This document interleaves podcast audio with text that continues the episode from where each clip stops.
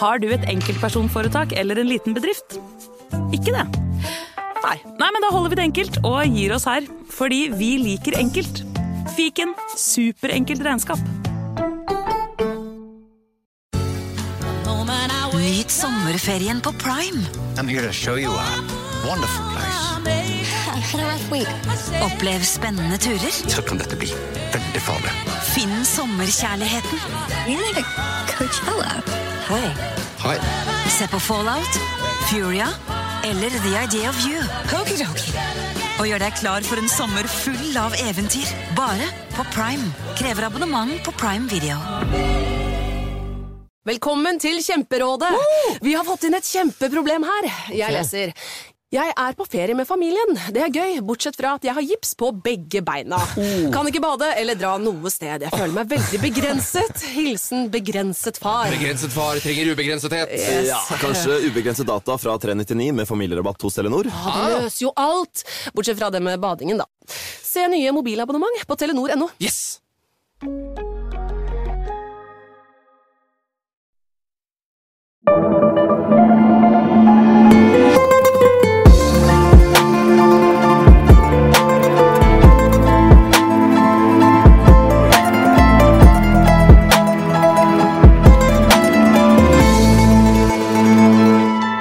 Hjertelig velkommen til uh, Gangsterpodden, podkasten der jeg og grekeren tar for oss uh, uh, det kriminelles verden.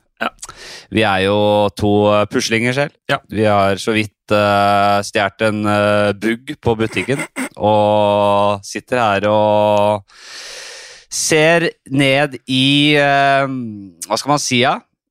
Gangsterterrariumet. Ja. akvariumet. Men nå mener jo Og- du at jeg ser litt uh, versting ut, eller? Du ser, du har klippet og skinna deg nesten, og har et uh, sånn kjeltring, litt sånn pjuskete skjegg under der, og eh, litt eh, Nei, litt røslig i kjakan, og det, det, Jeg er litt ser bra ut. uh, fornøyd, egentlig. Ja. Men Jeg er uh, veldig altså, misfornøyd. det, jeg, jeg er veldig misfornøyd med det korte året her er jo ikke fordi jeg ville at det skulle se sånn ut, men jeg prøvde å klippe meg selv med maskin i speilet. Og dette snakket vi om forrige gang. Ja, det, ja. At uh, du, så så du, nå, du, nå har jeg begynt Nå bare kutter jeg på siden, sånn at jeg ikke får sånn her bolleform på huet. Så nå kutter jeg bare på siden sånn hver tredje dag, og så ser det mindre og mindre ille ut, da. Men det at Men du i ditt uh, Ja. naive hue tenkte jeg klipper sveis på meg selv, jeg. Og tenker at det blir, fi at det blir fint nok. Det lar jeg Ja, ikke jeg gå helt Ja, men det, det er selvfølgelig tenkte mye bedre med den sveisen du har nå, enn det latterlige sveisen du hadde fått til hvis du hadde klippet deg selv. Det er helt hårreiste, faktisk. Ja. Men uansett, uh, Flatseth, vi eh, skal i dagens episode til et sted vi ikke alltid er. Vi skal nemlig tilbake til eh, Norden, nærmere bestemt mm. til vårt eh, kjære naboland, altså Sverige.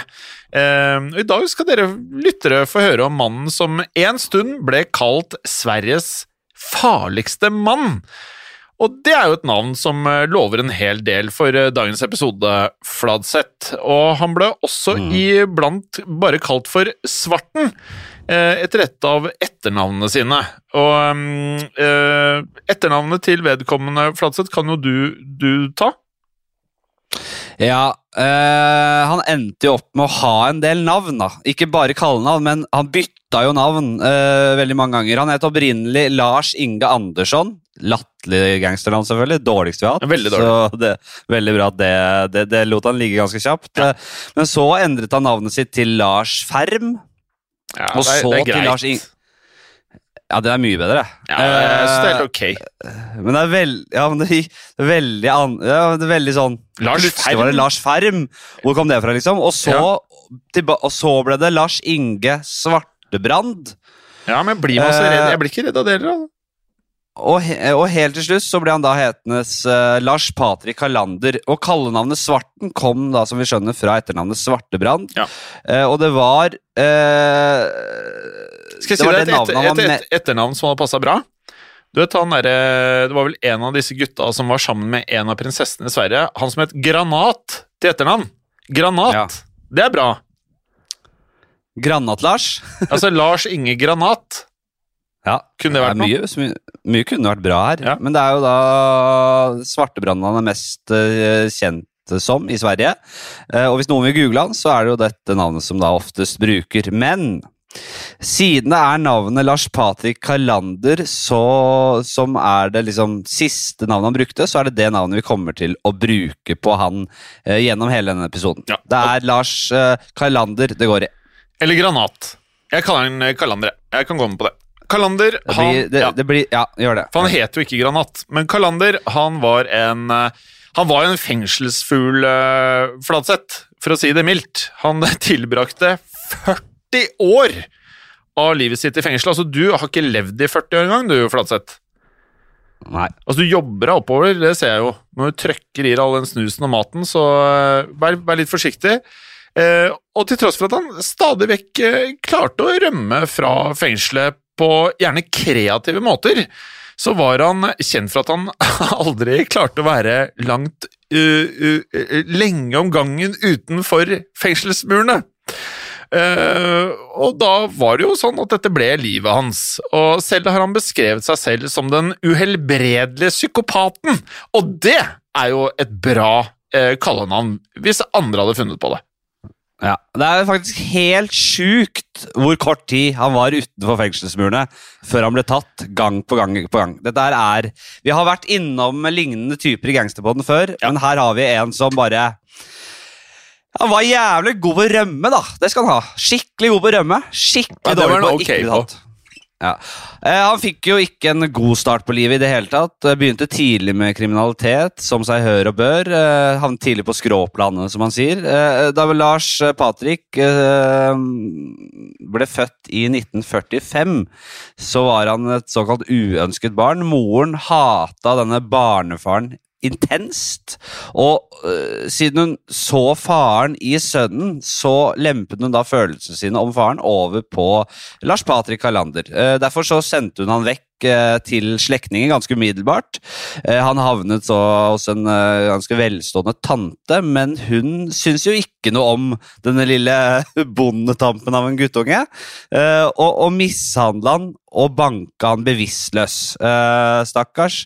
Så Kalander gikk faktisk rundt med arr eh, etter denne mishandlingen hele livet. Og som eh, tiåring så kom han seg vekk fra tanten og ble sendt videre til et fosterhjem. Men det, som man da kan tenke seg til, så stoppet ikke problemene her. For de nye fosterforeldrene de ble ansett som eksemplariske og gavmilde foreldre for Kalander, og de var også da med det også veldig godt likt i lokalsamfunnet. Eh, Men Kalander har fortalt at det var en helt annen verden bak lukkede dører. For ifølge Kalander så forgrep fosterfaren seg på ham over lengre perioder, og begynte å havne i trøbbel på skolen, og ble også anklaget for småtyverier av da sine egne klassekamerater. Eh, Og da kledde fostermoren han, eh, han naken og banket han hardt med bjørkekvister, ifølge Kalander. Ja, og som vi vet, så er det ikke alltid det går veldig dårlig med folk som blir eh, behandlet sånn i ung alder, men ofte blir det havner man på skråplanet, eller kanskje til og med blir seriemorder, eller eh, det verste sort. da. Eh, så at det rabla litt for Kalander etter sånn oppvekst, det, det kan man skjønne litt, da. Eh, og, og denne mishandlingen den fortsatte helt til en dag han eh, manna seg skikkelig opp og bestemte at nå må det bare gjøres noe. Og denne dagen så grep han eh, tak i fosterfarens hagle. eh, Og, og, og løp bort og rettet den mot eh, begge fosterforeldrene og krevde at eh, volden og overgrepene skulle stoppe med en gang. Og hvis ikke, så kom han til å blåse huet av dem. Ja.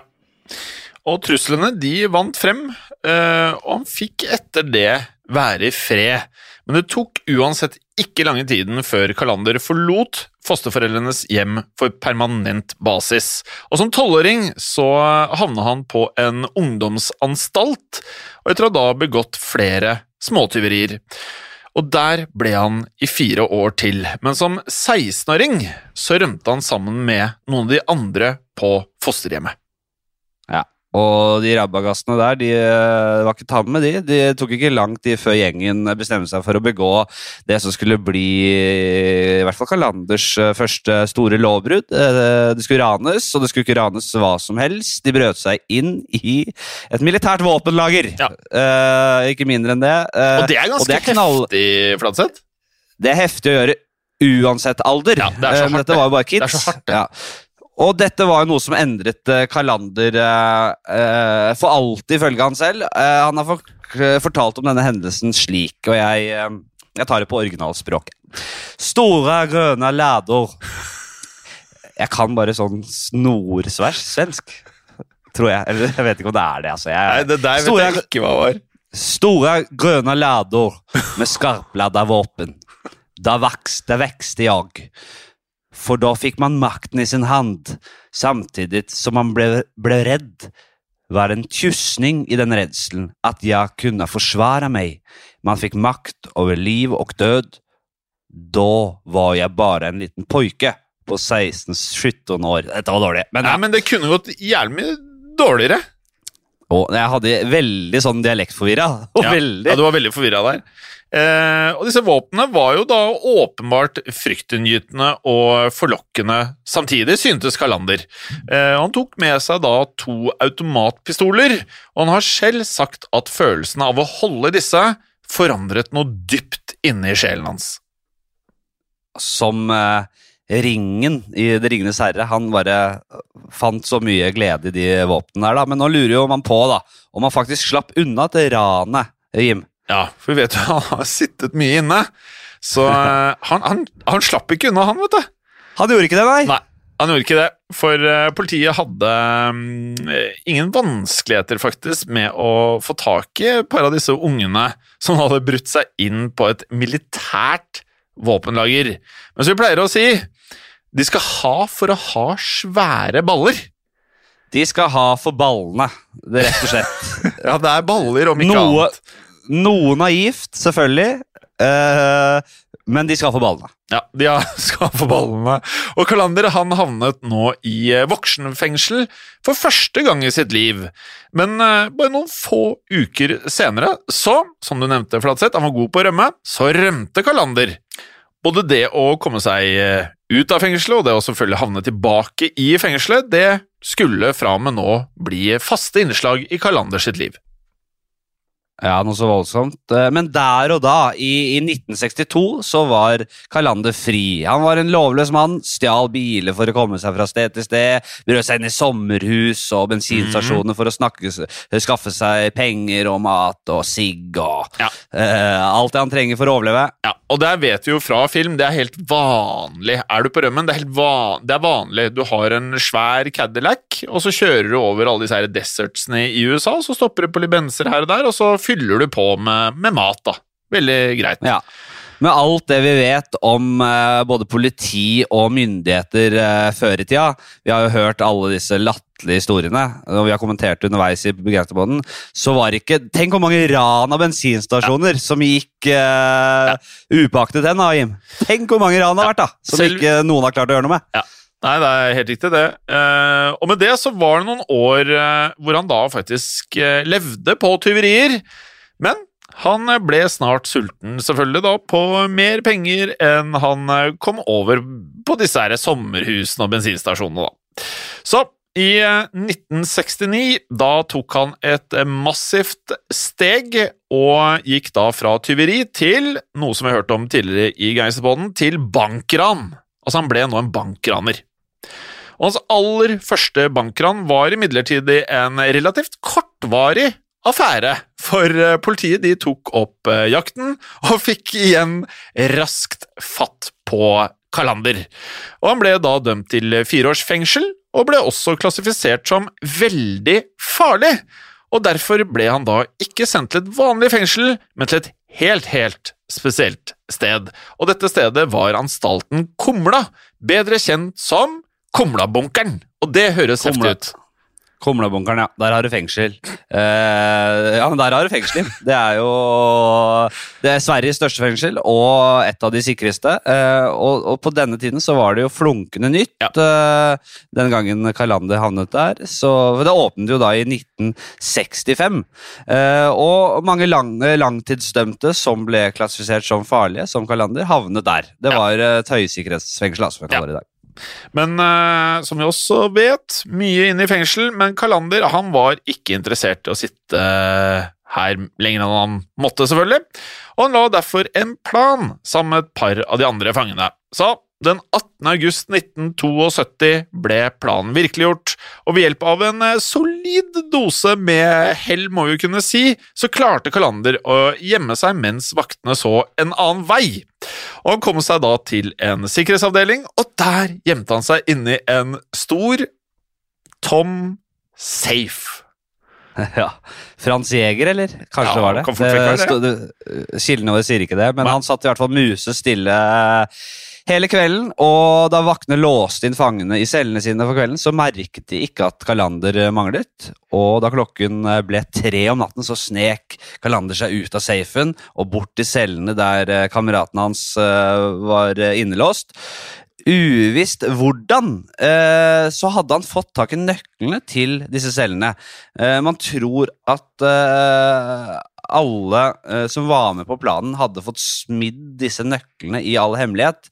Enten i fengselet, eller så hadde de blitt smidd på utsiden og smuglet inn. Uansett så er vi på høyt nivå her nå, Jim. Ja, meget høyt.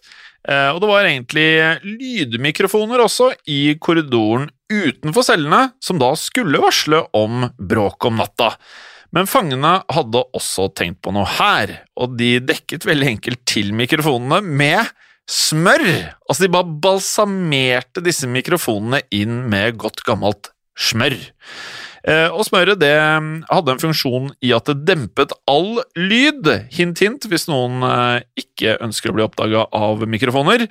Og de 15 fangene kunne derfor bevege seg ubemerket ut av cellene. Det høres veldig greit ut.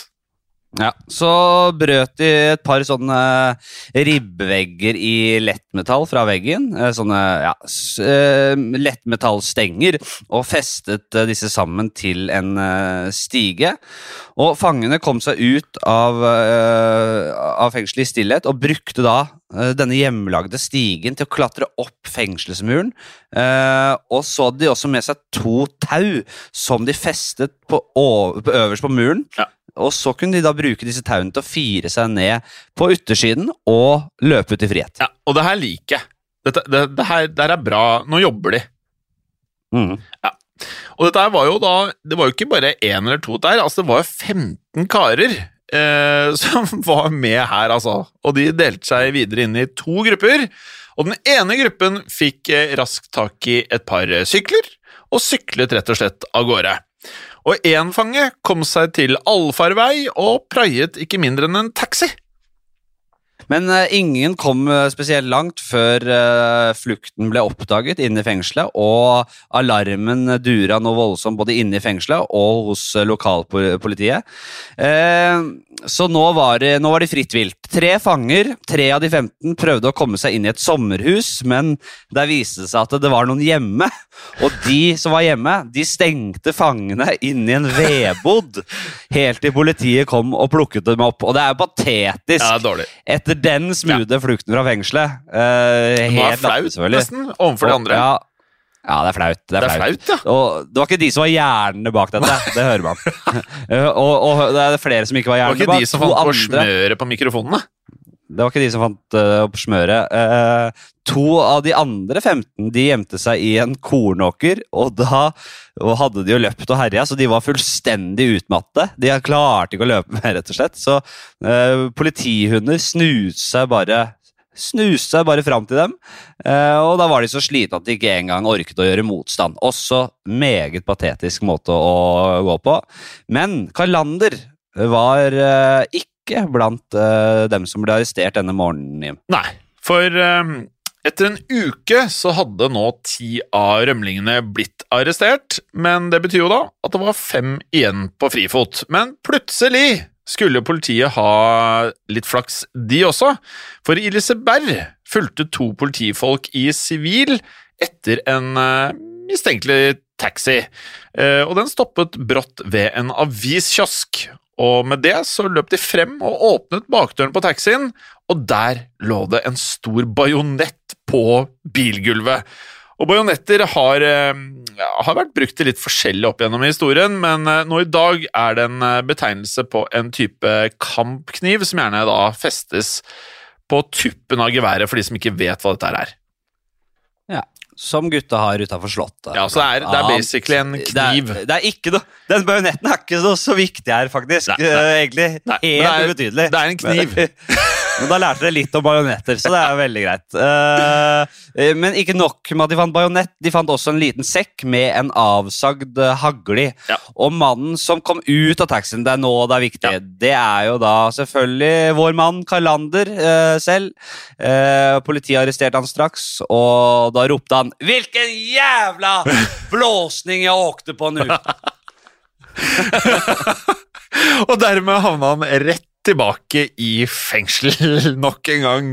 Eh, Men Kalander var skrudd sammen eh, på den måten at han mista ikke motet, han, vet du, av denne grunnen. For år etter igjen så rømte han på nytt. Og da har vi kommet til juni 1973. Og da hoppet Kalander og tre andre fanger over et gjerde inne på fengselsområdet og kastet seg over en søppelbil som sto der og ventet, nærmest. Og de hadde med seg en øks, selvfølgelig, som de da truet sjåføren med til å da kjøre rett inn i fengselsporten og rett og slett da rømme ut av fengselet. Det høres jo helt sjukt ut, selvfølgelig. Og, og da, da, da truer du ganske aggressivt med den øksa. Kjør ut av porten! Da Kjør! På rett på porten! Eller så kutter jeg deg i trynet. Ja. Og da kjører du. Du, du sitter i du. Du kjører, ja. Og som man da skjønner selvfølgelig ut ifra din simulering her, eh, Fladseth, så var jo dette en vettskremt sjåfør. Og han gjorde jo akkurat som han fikk beskjed om. Eh, og disse hengslene, altså der disse portene hang, de ble jo eh, slått eh, rett av. Og denne søppelbilen, den kjørte da altså ut i frihet. Ja, og eh, Kalander var nå en fri mann igjen, eh, men det, det blir veldig mye menn her. Sånn. menn. Det blir, skulle jo ikke vare, selvfølgelig. Han eh, ble tatt like etterpå, han, og kjørt rett tilbake til fengselet. Jeg, jeg, når du er så god til å rømme, så må Du er, til så latskap å ikke gi jernet på utsida også. Ja. Han har jo kapasiteten, det skjønner vi. Men det, det som er, at uh, han er bare god på den ene delen av å rømme. Han er ikke god på hele fasen av å rømme. Han er god på å bryte seg ut. Men selve den derre konstante rømmen, der, der svikter han. Ja, han, blir- han syns det er så rått på utsida, vet du, så han glemmer liksom å være på vakt. Og han glemmer det han har lovt seg selv hver gang, og så blir han tatt. Slurv. Ja. Slurv heter det. Slurv, Jeg er, jeg er slurvete. Jeg er veldig slurvete. Og etter dette her så måtte jo da politiet ha fulgt litt ekstra nøye med på eh, Kalander eh, en perioden som kom. For neste gang vi hører fra ham, så må vi litt eh, frem i tid. Ikke veldig lenge, selvfølgelig, men oktober 1979 har vi kommet til nå. Og i oktober det året fikk Kalander permisjon fra fengselet han satt i, for å da besøke en lege et lite stykke unna. Men som man da skjønner nå, så var jo ikke nødvendigvis Kalander bare innstilt på å møte legen. Eh, for han ville jo ikke tilbake til fengselet, selvfølgelig. Så han eh, dukket da ikke opp hos legen, og kom seg heller ikke tilbake til fengselet. Veldig, veldig smart å gi Sveriges farligste mann permisjon. Ja, det er smart. til legen uten vakter. Veldig smart. Og folk før i tiden, Jim, jeg må si det, er kjøttur. Helt idioter. Det er også så svakt, da. Men det er, men, ja, kanskje de tenkte at det, han, han er så lett å plukke opp igjen. Så det er ikke, det er ikke La han holde på, la han herje. Det er ikke så farlig. Eh, og plutselig hadde jo Kalander forsvunnet helt. Han var på rømmen igjen. Eh, men han ville også hjelpe en av kompisene sine, som også satt i fengsel, med å rømme ut i frihet. Eh, så han la en plan. Eh, noen uker etter at eh, Kalander hadde rømt, så ble et par fanger, deriblant Kalanders eh, gode venn, sendt på tur til et badehus. Og mens de var der inne, så rullet en svart Jaguar opp foran inngangen Ja. til badehuset. Og da fangene var ferdig i badehuset, kom de ut på rekke og rad og vandret tilbake til eh, fangetransporten. Og da Kalanders venn kom ut, åpnet Jaguarens bildør seg, og vennen kastet seg inn i bilen. Og sjåføren var jo ingen ringere enn Kalander selv, og da vennen hans kastet seg inn ved siden av han, og da smelte igjen døra, så sendte Kalander rett og slett gassen rett i bånn, og kjørte av gårde før eh, politiet eh, fikk fart på seg. Ja. Og like etter dette så kom det et eh, vendepunkt eh, der Kalander virkelig skulle vise at eh, han levde opp til tittelen som eh, Eller merkelappen som svært farlig. Eh, for bare noen uker etter at Kalander hadde hjulpet vennen med å rømme, så skulle han hjelpe en annen kamerat. Han var hjelpsom, det skal sies. Han skulle hjelpe en annen kamerat med å kreve inn noen penger som en dopselger skyldte vennen. da. Og da har vi kommet til eh, november 1979, nærmere bestemt 22. november. For da dro Kalander og den andre kameraten hans til en leilighet i Stockholm. Og i denne leiligheten var det to andre menn, hvor en av dem var dopselgeren, som Kalanders kamerat skulle kreve inn penger fra. Og ingen vet nøyaktig hva som skjedde denne kvelden, men plutselig så brøt det ut en kamp, og Kalander han dro frem en kniv og stakk ned en av mennene i leiligheten. Og Samtidig dro kameraten hans frem en pistol, og med det så skjønner man nå at dette her gikk ganske ille, og han skjøt begge mennene til de lå livløse igjen på gulvet. Og først mange år etterpå innrømte Kalander at han var innblandet i dette, det som ble et dobbelt drap til slutt. Men politiet fant aldri ut av nøyaktig hvor mye han selv var innblandet, og om han bare hadde skadet en av mennene med kniven, men ikke var med på selve drepingen, det ble ikke helt klart for dem. Nei, det som er tydelig er jo at uh, han gjennom livet ble på en måte mer og mer farlig, mer og mer og mer og mer villig til å bruke vold som dette. Så dette var jo dette er bare en start. eh, Men Kalander hadde jo ikke nå tid til å tenke så mye på disse drapene, for han hadde store planer allerede dagen etter. Da møtte han igjen vennen som han hadde hjulpet med å rømme fra badehuset. Eh, Og fengselsfoglarna de hadde automatiske rifler og to gummimasker. Den ene gummimasken forestilte Elvis, og den andre var en eh, John Travolta-maske. Ja, og det her er også sansen for. Ja da, Det er humor eh, i hverdagen, uansett hva man driver med er bra. Eh, Det er klart at ja, eh, de som skal bli rana, må jo også ha det litt gøy. ja, og det, litt artige det kunne masker vært er jo på en måte.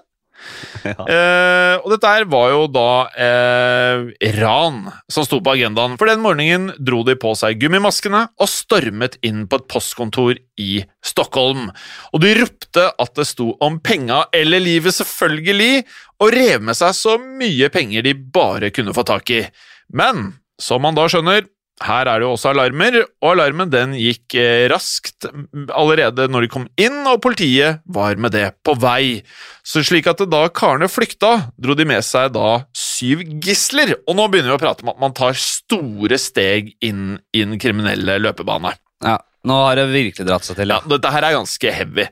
Og utenfor sto det da en stor politibil, hvor da Kalander og vennen hans reagerte med å åpne ild. Dette her høres ut som en scene fra eh, verdens, eller tidenes beste actionfilm Heat, eh, og skjøt hele 19 skudd mot politibilen.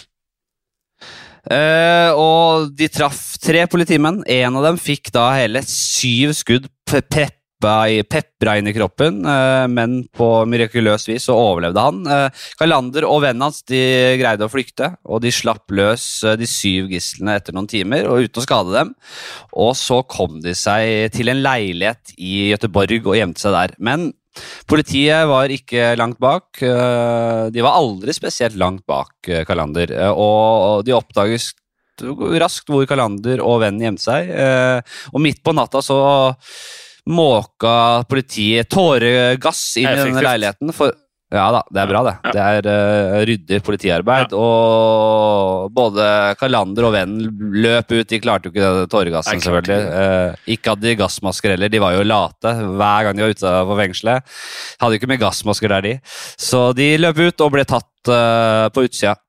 Og De Kalander han ble nå dømt til tolv års fengsel for, som man skjønner, dette er jo grovt ran, frihetsberøvelse og drapsforsøk. Jeg syns tolv år høres lite ut, for dette han skjøt politi. Skal- Skandinavia, vet du. Det er jo det Ja. er sånn det er. Men uansett, vi har jo nå lært en gang for alle at Kalander han, han er ikke gira på å sitte i fengsel, og prøvde med det relativt tidlig å, å rømme igjen, mens han da sonet dommen.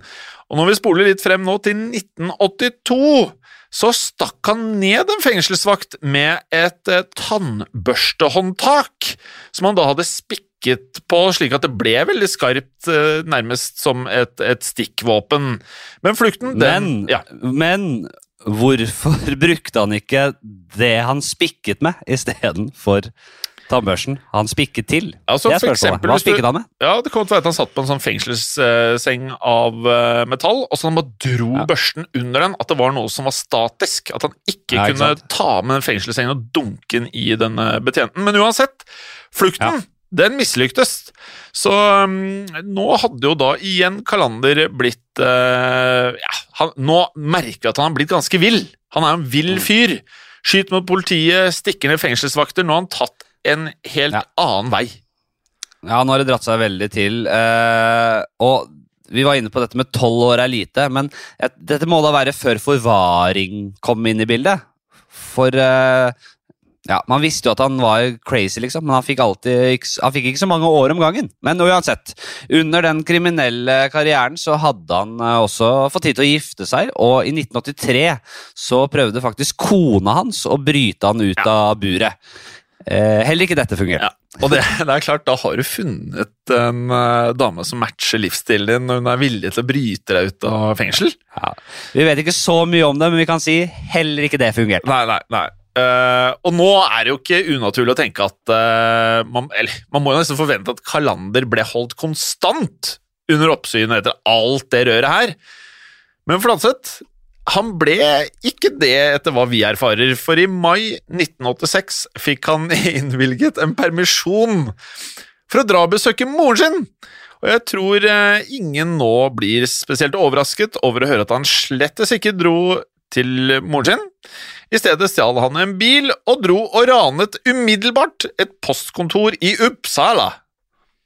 Han brukte rett og slett hver anledning til å rømme. Men hvem er det som gir ham permisjon til å stikke til mor... Altså, Nei, han var, en, eh, han var inne i fengselet relativt eh, karismatisk og, og snill til tider, i hvert fall. Selv om han har stukket ned en vakt. Og, ja, ja. Nei, det, går ikke, det henger ikke helt på greip, dette, Nei, men eh, sånn var, sånn var det. Det var andre tider. Andre tider. Det har skjedd mye i mo- siste året, altså.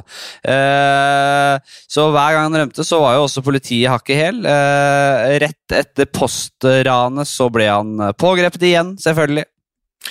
Men likevel så tok det bare noen år eh, før Kalander ble flyttet til en annen enhet med egen leilighet, der han da kunne bevege seg fritt i nærområdet.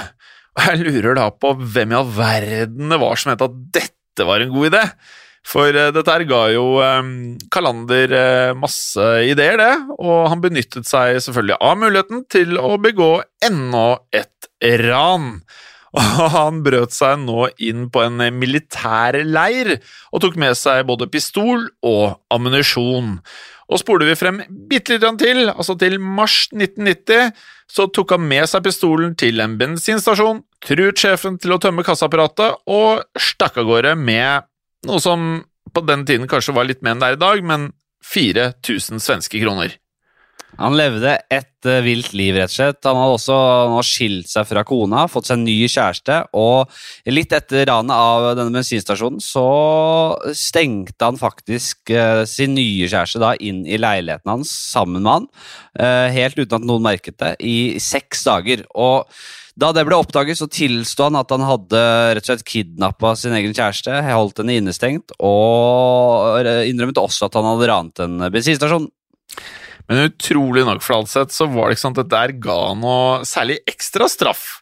Eh, og i 1992 hadde han endelig sonet ferdig dommen han fikk etter bankranet i 1979. Det her høres jo helt vanvittig ut.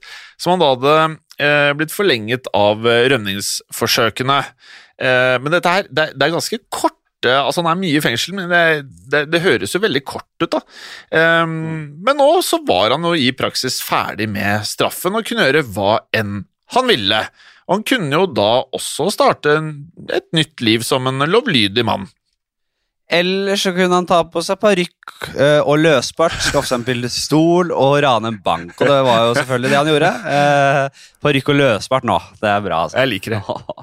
ja, det er det. Eh, bare to dager etter at han ble løslatt, så rante han en bank i denne forkledningen, parykk og løsbart, og etter ranet så flyktet han på en sykkel med over 100 000 svenske kroner i sekken.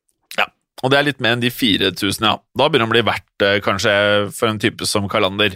Eh, Men han eh, klarte rett og slett ikke å holde seg på matta i mer enn to dager. Og selvfølgelig så ble dette ranet akkurat som alle de andre ranene han hadde begått, for politiet de kom straks etter han og var på sporet av han. Så bare noen timer etter ranet så fant politiet ham i en park, der han satt og gjemte seg i en busk. Og dermed var det rett tilbake til fengsel for Kalander. Det var som om han prøvde å gjemme seg dårlig. og at han nesten lik, det var litt sånn destruktiv når han var på utsida. Altså Hadde han hatt en manager som hjalp han liksom Han var god på visse ting, men han trengte liksom litt guiding. Ja, det er blitt helt Olsenmannen, dette her nå. Det er jo ingen tvil om det. Eh, det ble fire nye år eh, i buret på Kalander eh, for dette siste ranet. Og da han ble spurt hvorfor han gikk og rante banken med en gang han kom ut av fengselet, så fortalte han at han rett og slett trengte penger da, til å starte sitt nye liv. Dette er jo vanlig. ikke sant? Man trenger eh, penger eh, for å kunne fortsette, eller for å starte et nytt liv. Eh, og han, i dette tilfellet så ville han starte et li nytt liv som steinhugger. Ja, Eh, ja, ja. Så han trengte oppstartspenger, eh, og han visste ikke hvordan han ellers skulle få tak i det. Eh, ærlig sak, eh, for så vidt det. ja på en måte så er det jo det. Men eh, kriminalitet var, eh, som vi da vet, det Kalander kjente best til. Men her ser vi da for første gang i hvert fall et tegn til at han faktisk viste interesse for å legge det kriminelle livet bak seg, og da få et, ja, et ærlig virke. Eh, og han ville bli steinhogger, men uten disse oppstartsmidlene så måtte han jo gå tilbake til ran. Men i de nye fire årene i fengsel så vokste Kalanders ønske om å få seg et eh, mer ja, A4 normalt liv. Ja, Han eh, kom ut av fengsel igjen i 1995, og da sa han til avisen, eller en avis, eh, eh, at jeg har tenkt å bli kort, nei, førerkortinnehaver og skattebetaler, jeg nå. Han ville da tjene ærlige penger med det, da. Men det betød ikke at han ikke kunne tjene penger på livshistorien sin, for på dette tidspunktet så var han en kjent mann over hele Sverige, og han innså kjapt at dette var en gyllen mulighet. Og straks etter løslatelsen så publiserte han en selvbiografi, enkelt nok kalt Svartebrant, og det var jo det navnet han var mest kjent under på tiden hvor han holdt på som mest. Ja, og Boka den solgte godt, den, og ikke lenge etterpå så skapte Kalander sitt uh, helt eget standup-show. Ja, det kan du like. Eh, ja, ja, akkurat som eh, hvis vi husker Frankie Fraser The Dentist, eh, som vi snakka om for noen uker siden her. Eh, men hvis man likevel er så kjent pga. sin kriminelle karriere, så er- kan man like godt utnytte det til å tjene litt eh, spenn. Da. Ja, det gir jo på sett og vis noe mening. Eh, og Ja. ting gikk jo nå ganske bra for Kalander. Året etter giftet han seg på nytt, og han fikk to barn. Og det virket jo nå nesten som at alt var i ferd med å falle på plass for vår mann her. Eh, og han hadde lagt kriminaliteten bak seg og var klar for et rolig og ærlig liv. Eller ikke. Nei da, selvfølgelig. Han var ikke ferdig ennå, han. Eh, han klarte ikke å holde seg unna, rett og slett. I 1996 så tok han på seg en maske, usikkert eh, hvilket motiv det var på maska, og rante enda et postkontor. Eh, men øh, denne gangen så hadde han ikke klart å få tak i en ordentlig gunner på forhånd, så i stedet så skaffet han seg en lekepistol, en replika som ligna på ekte vare, og brukte den til å rane postkontoret. Og de ansatte de beit rett på, de trodde det var en ekte pistol, og dermed så løp han derfra med en solid eh, sum penger. Men uheldigvis for han så gjenkjente en av de ansatte han, eh, til tross for maska han eh, hadde på. Ja, og det er jo da ulempen med å bli kjendis, selvfølgelig. Og kassereren meldte selvsagt dette til politiet, og det ble en eh, stor og massiv jakt på kjendisen Kalander. Eh, Men han, hadde bestemt seg for å ikke bli fanget i en busk denne gangen, for i stedet så forsvant han lynkjapt ut av Sverige og reiste hele veien til Kanariøyene. Ja, og tok en liten pitstop i Tyskland eh, bare for å spille bort alle penga på kasino. Eh, hver eneste krone røyk. Eh, eh, men han kom seg faktisk likevel til Kanariøyene og håpet at han skulle klare å skaffe seg nye penger der og beholde friheten sin denne gangen. Ja, men det svenske politiet hadde en litt annen agenda, og de fortsatte å jakte på han. Og de sendte en beskrivelse av han til spansk politi, som ganske kjapt faktisk klarte å spore han opp. Og de sendte ham da i fengsel i Madrid i tre måneder, før han havnet tilbake i Sverige. Og der tok det ikke lang tid før han ble dømt til fire og et halvt års fengsel. Og han måtte jo være vant dette her nå, Flatseth. Uh, han sonet midlertidig ikke hele straffen, selvfølgelig. Han uh, slapp ut igjen i februar 1999. Drapene på Ordre gård skjedde i mai 1999. Jeg bare sier det. Kan han ha vært innom der også? Nei. Det er jo en ukjent drapsmann. Det er det. Jim. Ja, nei, dette kjenner jeg ikke til, Henrik. Ehm, men han var uansett ikke ferdig som gangster. For han ble arrestert bare måneder senere under mistanke om enda et bankran samt et biltyveri. Og da politiet undersøkte dette biltyveriet, så skjøt plutselig ukjente gjerningspersoner mot politiet, og en eh, politibetjent nok en gang ble skutt i skulderen. Og de mistenkte jo nå straks Kalander, vet du. Men da rettssaken kom, så fant de ikke nok bevis for at det kunne være Kalander som sto bak. Og det er fortsatt uavklart en dag i dag om han faktisk sto bak skuddene under biltyveriet, pluss da det bankranet som han også ble sikta for. Men eh, da de likevel eh, hadde han der, etterforsket de han også for småtyverier, og der fant de nok beviser til å fengsle ham for tyveri igjen. Ja, Men uh, ut ifra fengselsdommene tidligere så kan vi skjønne at småturer ikke ga lange straffen. Så han ble jo løslatt igjen i, i 2000. Uh, til ingens overraskelse så ble han uh, arrestert på nytt eh, igjen allerede i januar 2001, så ikke lange Det er nesten man ikke kan tro det, vet du. Ja, men ikke for tyverier denne gangen. Han hadde blitt skilt fra da eh, det som ble kone nummer to, og eh, dette er en stygg sak. Han hadde angrepet og mishandlet både henne og deres ti år gamle datter, rett og slett. Så det er jo virkelig helt jævlig. Nå har han jo blitt eh, ordentlig motbydelig her. Han fikk bare ett år for dette, faktisk. Så i tillegg da til å ha mistet all respekt, eh, selvfølgelig. Ja. I hvert fall eh, vil jeg tro. Uansett, eh, straks han kom ut igjen, så var det rett tilbake til å rane. I oktober 2002 løp han og en kamerat han inn på Systembolaget i Søderhamn. Og Systembolaget er eh, da, for de av dere som ikke vet, Sverres Sveriges vinmonopol, så han var jo tørst, da. Eh, Han var jo nå bevæpna med pistoler, og inne på dette her svenske polet så grep de en kvinne og holdt henne som gissel. Altså, litt sånn rar variant. Og med det så valgte de da å bruke bilen hennes til å flykte med. Dette her høres jo ikke helt sånn vanntett ut. Nei, er, men han er jo helt åpenbart helt crazy nå. Ja. Ran og ikke Vinmonopolet, ran og et varelager da, med alkohol. Det er jo helt, Ja. Nå er han jo helt Driver og mishandler dattera og Ja, er helt idiot. Ja, det er, nå, nå er han på felgen, altså. Eh, men det svenske politiet, eh, som nå hadde fått veldig lang og bred erfaring i å jakte på Garlander, de fikk jo kloa i han eh, denne gangen også. Eh, det blir enklere og enklere for dem, rett og slett. Eh, Nå høres det enkelt dømt- ut. ja, så nå, nå, og nå dro det seg litt til på, på straffen her. Han ble dømt til syv nye år for nå, denne gangen overfall, grovt ran, frihetsberøvelse og tyveri. Men han skulle igjen eh, selvfølgelig ut i frihet, han, og han kom ut igjen i oktober 2007. Og da hadde han eh, brukt tiden i fengselet til å skrive enda en bok om livet sitt, kalt Men saknar kjærleik, kjærlek. Og denne gangen begynte han å holde forelesninger, som høres ganske smart ut, og der begynte han igjen å snakke om at han ville legge det kriminelle livet bak seg. Eh, For nå hadde han oppdaget Gud, sa han, og han tok avstand fra sitt gamle liv. Eh, Og han hadde nå tilbrakt nesten hele livet i fengsel, basically. For, eh, og, og, og med det selvfølgelig så hadde han gjort noen refleksjoner og ønsket å gi seg.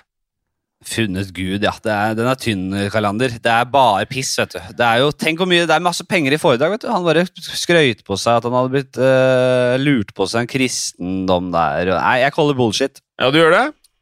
Ja, kanskje, for i desember 2008 ble han stoppet med både skytevåpen og dop i bilen. Og eh, han i, ble jo satt i kasjotten over natta, han, men slapp ut igjen dagen etter, kun med en bot. Det virker jo som at folk gjør eh, dette Altså, det er ikke vanskelig for han å bedrive dette livet her, da. Eh, også ikke like alvorlig kriminalitet eh, denne gangen, da. Så det sparte han til 2009, da han selvfølgelig begynte med ran igjen. Og den 3. april rante han først en matbutikk for ikke de store beløpene her heller, altså 5000 svenske kroner. Og bare to dager etterpå så rante han og en annen kompis en bank, så tilbake til bankran, for denne gangen 100 000 svenske kroner. Ja, ikke ille det. Nei. Eh, og politiet visste jo nå nøyaktig hvem de skulle se etter. Det var ikke noe tvil i det hele tatt. Eh, for når Kalander var på frifot og en bank ble rana, da var det jo nesten Ja, da var det, var det som sto bak. Eh, og ganske riktig, rett før klokken seks om morgenen dagen etter, så fant politiet han i en bil rett ved inngangen til en flyplass. Eh, etter to måneder i varetekt så tilsto han ranene, men selve utbyttet ble aldri funnet. Han tok tydeligvis da ikke med seg dette til flyplassen, og han fortalte aldri hvor dette var hen. Og kanskje så er det sånn at det kan ligge begravet et sted en dag i dag. Eh, eller kanskje han rakk å spille bort alle penga. Vi vet Han var jo kjapp, altså han var jo rask. En liten svipptur innom eh, Tyskland, så klarte han å kvitte seg med alt han hadde. Eh, det ble nå fem nye år i fengsel, eh, hvorpå han kom ut igjen i april, og nå begynner vi å nærme oss eh, tiden vi lever i. Han var ute i april 2014. Men nå klarte han å slå sin egen rekord for hvor fort han klarte å begå et nytt lovbrudd etter løslatelsen. For etter kun en eneste dag så ble han på nytt anmeldt, denne gangen for trusler mot sin egen datter, dessverre, Jackie Ferm. Ja, og det var da Så vidt jeg vet, den samme datteren som han mishandlet den eh, gangen. Så ikke rart de hadde et litt anspent forhold. Så han, eh, veldig kort tid etter han var ute, så så var han på sin egen datter, så han var ikke helt god, han denne fyren her. Eh, Men han havnet ikke i fengsel for truslene mot datteren. Men selv om han nå nærmet seg 70 og begynte å bli gammel, så var det ikke slutt på faenskapet. I 2015 så fikk politiet en melding om bråk og høylytte rop i et hus en morgen i april. Eh, i da 2015. De fikk også beskjed om at det var våpen i huset, og at det var veldig veldig høylytt krangel som foregikk. Ja.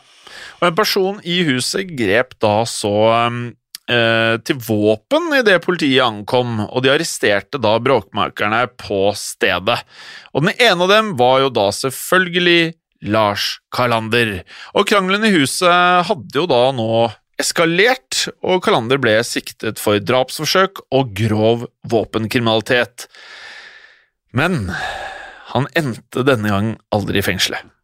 Nå, de slutta, nå gidder de ikke å fengsle han engang. De, nå er de lei. De syns det blir for dumt. Ja, så jeg gidder ikke å ha noe med det. Nå holder det. Du, du får holde på. Du har plaga oss i så mange år nå.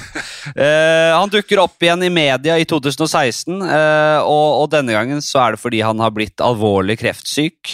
Eh, den 15. april så Han gikk ut med et smell, altså. Eh, altså. Den 15. april så hadde han bestemt seg for at han ikke ville dø på sakte vis av denne kreften. Så i stedet så tente han på sin egen leilighet og lot rett og slett flammene ta han.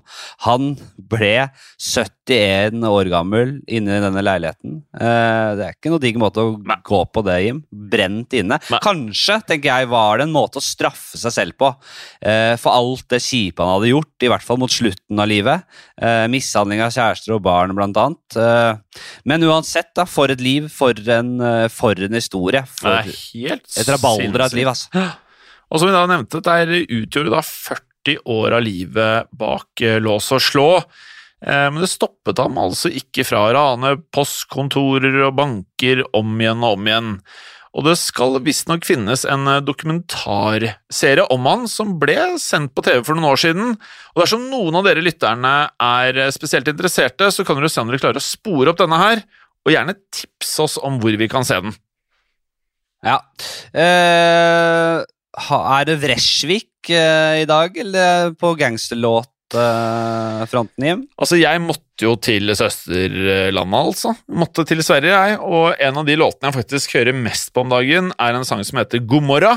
Eh, av eh, Hov jeg, jeg er litt sånn usikker på hvordan man sier det, men det skrives Hov og et ett-tall. Jeg tror man uttaler det Hovet. Og, Hovet. Hovet. Hovet. Og en rapper som er ganske dryg, som heter Einar. Veldig kul låt. Jeg legger den med én eneste gang i spillelista vår på Spotify, som heter Gangsterpodden. Ikke til forveksling til eh, Vi heter jo også Gangsterpodden, selvfølgelig, podkasten på Spotify, men det vet dere jo allerede. Ja. Så er det vel bare for å også si eh, Ja, det legges jo alltid bilder og litt forskjellig info på Gangsterpodden på Insta, og eh, ja det var uh, en glede å dykke inn i uh, Fantastisk i episode. Ja, inn i Sveriges farligste mann. Uh, vi snakkes hver bidige uke, vi, om nye greier. Med mindre du som lytter har driti deg ut og blitt sovende med fiskene. Eh, men samtidig så kan det greit å holde deg gangster. Ha det bra. Ha det.